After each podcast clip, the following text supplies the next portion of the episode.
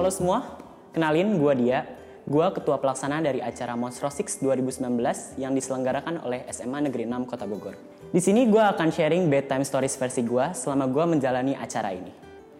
Monstro Six ini adalah rangkaian acara tahunan yang diadakan oleh SMA Negeri 6 Bogor, di mana dalam acara ini terdapat acara-acara internal dan eksternal dari ekstrakurikuler dan ditutup oleh grand closing yaitu musik festival. Acara Monstro Six ini sudah menjadi acara keempat dan setiap tahunnya kami selalu mengusung tema dan konsep yang berbeda. Dan di sini gue akan berbagi pengalaman campur aduk gue selama gue menjalani closing acara Monstro Six tahun 2019. Semua bermula ketika gue dipilih menjadi ketua pelaksana acara Monstro Six tahun 2019. Sebelumnya di tahun lalu gue sudah e, menjadi wakil ketua pelaksana di acara Monstro Six sebelumnya. Namun di tahun ini gue mendapatkan titel yang jauh lebih besar tanggung jawabnya dibandingkan sebelumnya yaitu sebagai ketua pelaksana acara. E, untuk hal-hal banyak hal-hal yang terpikirkan oleh gue mulai dari tanggung jawab yang lebih besar, challenge yang lebih besar dan beban yang lebih besar selalu terpikirkan di otak gue. Tapi gue yakin gue bisa mengemban titel ini dengan baik dan benar. Ide yang pertama terpikirkan oleh gua dan tim gua yaitu menghadirkan acara Monstro Six ini kepada halayak umum karena di tahun sebelumnya Monstro Six ini hanya dinikmati oleh siswa-siswa SMA Negeri 6 Bogor uh, dalam kata lain hanya uh, berada dalam konteks internal. Maka dari itu, gue dan teman-teman gue berusaha untuk mewujudkan Monstro Six tahun ini menjadi acara eksternal yang bisa dinikmati oleh halayak umum. Uh, dan menurut gue hal ini bukan merupakan hal yang mudah karena gue harus bisa meyakinkan pihak sekolah untuk membantu merealisasikan ide dari gue dan tim gue. Dan benar saja setelah gue minta izin kepada pihak sekolah, banyak sekali pertentangan dan pertimbangan yang diberikan oleh pihak sekolah, mulai dari esensi, dana, hingga ke keamanan. Salah satu pertimbangan yang paling intens diberikan oleh pihak sekolah adalah usikan atau gesekan dari sekolah lain. Pada akhirnya, gue pun memberanikan diri untuk bisa menjamin dan bertanggung jawab penuh kalau acara Mostros ini dapat berjalan dengan lancar dan aman. Akhirnya, pihak sekolah pun setuju dengan acara ini. Tapi, uh, eh, gue harus bisa menjamin bahwa semua resiko dan hal-hal yang tidak diinginkan dapat ditanggung jawab oleh panitia. Setelah masalah perizinan selesai pun, akhirnya gue dapat melaksanakan acara Monstrosis ini secara eksternal dan diadakan di Gor Pajajaran. Setelah masalah perizinan sekolah selesai, mulai muncul masalah-masalah baru lagi di dalam internal tim gue. Banyak terjadi selisih paham di antara tim gue, dan menurut gue hal tersebut merupakan hal yang maklum karena ego anak remaja itu masih tinggi lah.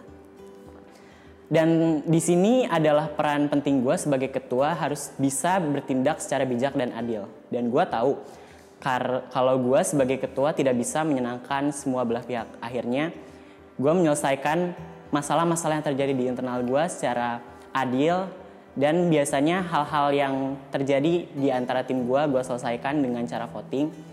Dan gue tahu salah satu hal yang penting yang perlu diselesaikan apabila ingin menyelesaikan suatu masalah di dalam sebuah tim adalah meningkatkan rasa solidaritas yang ada di dalam sebuah tim. Ketika sudah masuk kepada fase penjualan tiket, ternyata penjualan tiket gue tidak sesuai dengan yang gue harapkan. Karena setelah gue teliti, acara Monstrosik ini merupakan runtutan acara festival musik paling terakhir di Bogor. Jadi sudah ada festival-festival musik yang diadakan sebelumnya dan hal tersebut membuat orang jenuh. Banyak orang berpikir, ah gue udah nonton festival musik kemarin, ngapain lagi gue harus nonton festival musik lagi. Akhirnya hal tersebut menyebabkan grafik penjualan tiket gue menurun dan tidak sesuai dengan yang gue harapkan. Setelah ini pun gue nggak bisa membiarkan masalah ini berlarut-larut terlalu lama karena dengan mandetnya penjualan tiket gue ini pasti akan berpengaruh kepada aspek-aspek lainnya. Akhirnya gue dan tim pun berpikir keras bagaimana cara untuk meningkatkan grafik penjualan tiket gue. Salah satu hal yang perlu kita tingkatkan adalah public relation dan strategi penjualan tiket kita. Banyak hal-hal yang kita kerahkan untuk meningkatkan penjualan tiket kita mulai dari terjun langsung untuk menjualkan tiket dan meningkatkan promosi penjualan tiket kita dan pada akhirnya hasil kerja keras kita pun terbayar dan grafik penjualan tiket kita pun kembali menaik dan akhirnya gue pun bisa bernafas lebih lega. Salah satu masalah yang paling berat yang muncul itu saat Hamin satu minggu acara Monstro Six di mana saat itu gue diberi kabar oleh pihak kepolisian bahwa acara gue terancam tidak diizinkan dan diundur pelaksanaannya. Dikarenakan acara gue berdekatan dengan pemilu dan saat itu kondisi pasca pemilu masih kurang kondusif. Persiapan acara gue pun sudah hampir selesai sekitar 80% dan apabila diundur akan merugikan banyak pihak.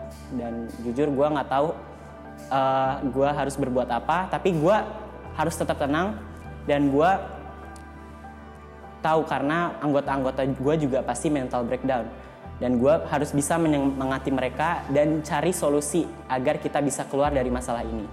Akhirnya gue berkoordinasi dengan pihak sekolah agar bisa bermediasi dengan pihak polisian dan pihak sekolah pun mendukung gue agar bertemu dengan pihak polisian dan membicarakan masalah ini.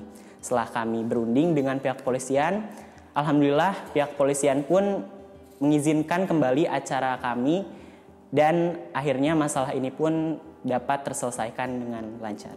Nah setelah itu mulai dari Hamin satu acara, mulai dari loading barang, cek sound, talent, artis segala macam, gue merasa perencanaan gue kurang mulus nih. Banyak sekali jadwal-jadwal yang ngaret mulai dari Hamin satu. Dan dengan ngaretnya jadwal tersebut pasti akan berpengaruh kepada jadwal-jadwal berikutnya. Jadi akhirnya pun gue dan tim divisi acara gue pun berpikir bagaimana cara agar tidak berpengaruh kepada jadwal-jadwal lainnya. Akhirnya gue pun memanage jadwal-jadwal tersebut agar tidak berpengaruh ke jadwal selanjutnya. Banyak sekali uh, jadwal-jadwal yang gue cut dan gue manage dan akhirnya jadwal tersebut pun dapat berjalan uh, lancar walaupun ada sedikit yang gue cut dan gue singkirkan. Di hari H acara pun untuk open gate kita terpaksa mundur 30 menit dan hal tersebut tentu sangat berpengaruh terutama di gate dan tiketing. Di gate tersebut eh, para audiens yang ingin masuk pun mulai menumpuk dan beberapa dari audiens tersebut eh, bahkan ada yang mencoba untuk memaksa masuk ke dalam venue dan akhirnya kita pun dan tim mulai mengkondusif mengkondisikan para audiens itu agar bisa kembali kondusif walaupun memakan waktu yang cukup lama akhirnya audiens pun kembali kondusif dan acara pun kembali berjalan seperti semula. Setelah itu uh, mulai dari awal acara hingga akhir acara pun uh, dapat berjalan seperti sesuai dengan yang kita rencanakan.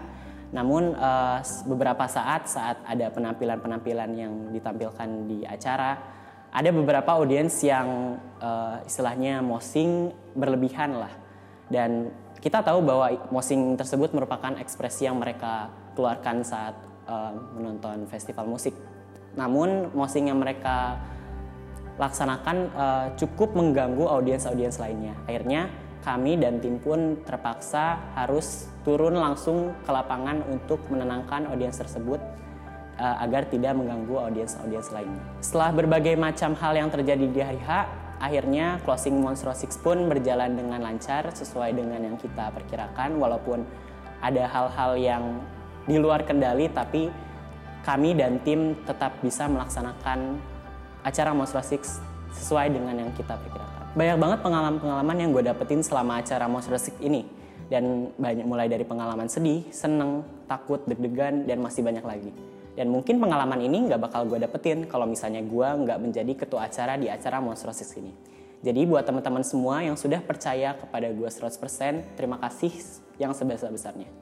So, itu adalah bedtime stories versi gue. Kalau kalian